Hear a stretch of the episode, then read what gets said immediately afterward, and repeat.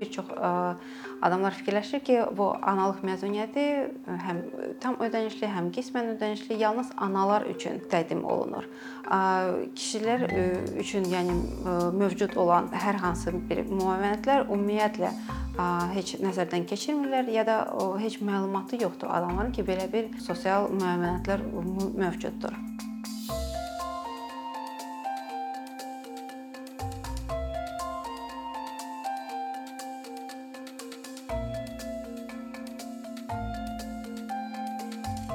Bir çox ölkələrdə olduğu kimi Azərbaycanda da dövlət ailə sosial siyasəti ənənəvi bir prinsip üzərində formalaşır. O da prinsip nədən ibarətdir?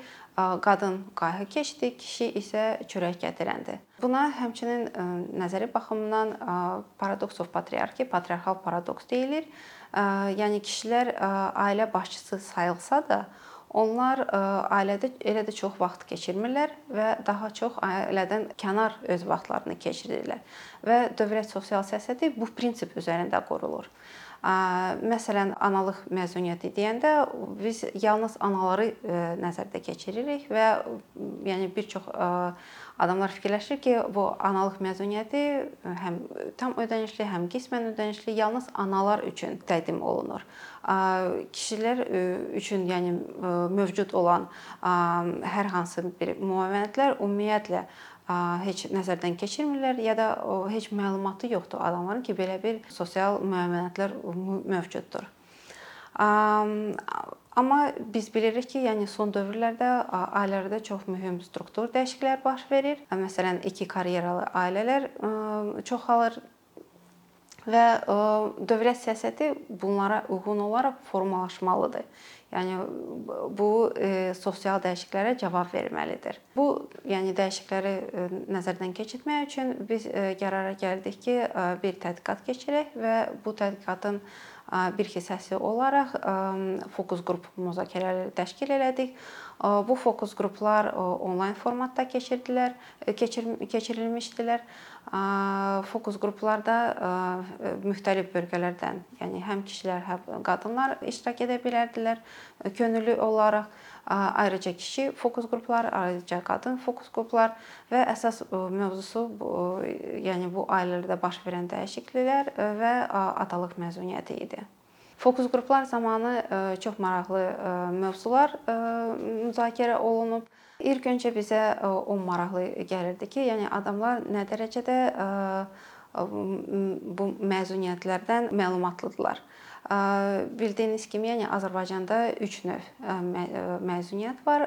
Bir analıq məzuniyyəti, o 126 təqvim gündən ibarətdir və tam ödənişlidir. Növbəti isə valideynlik məzuniyyəti ondan həm kişi, həm qadın bəhrələnə bilər və o yəni uşağın 3 yaşa qədər davam edə bilər. Amma o qismən ödənişlidir. Və atalıq məzuniyyəti deyəndə belə bir anlayış yoxdur Azərbaycan qanunvericiliyində. Amma kişilər üçün 2 həftəlik tam ödənişsiz məzuniyyət nəzərdə tutulur. Amma bildiyiniz kimi, yəni o təm ödənişsiz olduğu üçün ondan istifadə edən çox azdır və hər ola bilsin heç yoxdur. Fokus qrup yəni müzakirə zamanı o üzə çıxıb ki, yəni əgər analıq məzuniyyəti ilə yəni iştirakçılar çox yaxşı məlumatı var və onlar bilirlər ki, yəni o tam ödənişlidir. Valideynlik məzuniyyəti deyəndə isə onlar bunu genəldə analıq məzuniyyəti kimi başa düşürlər ki, sadəcə bir analıq məzuniyyətin davamı kimi, sadəcə qismən ödənişli kimi. Onlar bilmirdilər ki, yəni başqa ailə üzvləri ondan bəhrələnə bilərlər. Atalıq məzuniyyəti deyəndə isə, yəni yenə də bu ödənişsiz 2 həftədən e, söhbət gedir. Onların heç bir anlayışı yox idi və bilmirdilər ki, ya ümumiyyətlə qanunvericiliyə belə bir anlayış var. Və e, onlar e, nə özləri bu məzuniyyətdən istifadə etmişdilər, nə də ya bildirdilər ki, onların nə tanışlardan, nə qohumlardan bundan istifadə edən yox idi. Ümumiyyətlə heç anlayışı da yox idi ki, belə bir müavinət bizim qanunvericiliyində mövcuddur.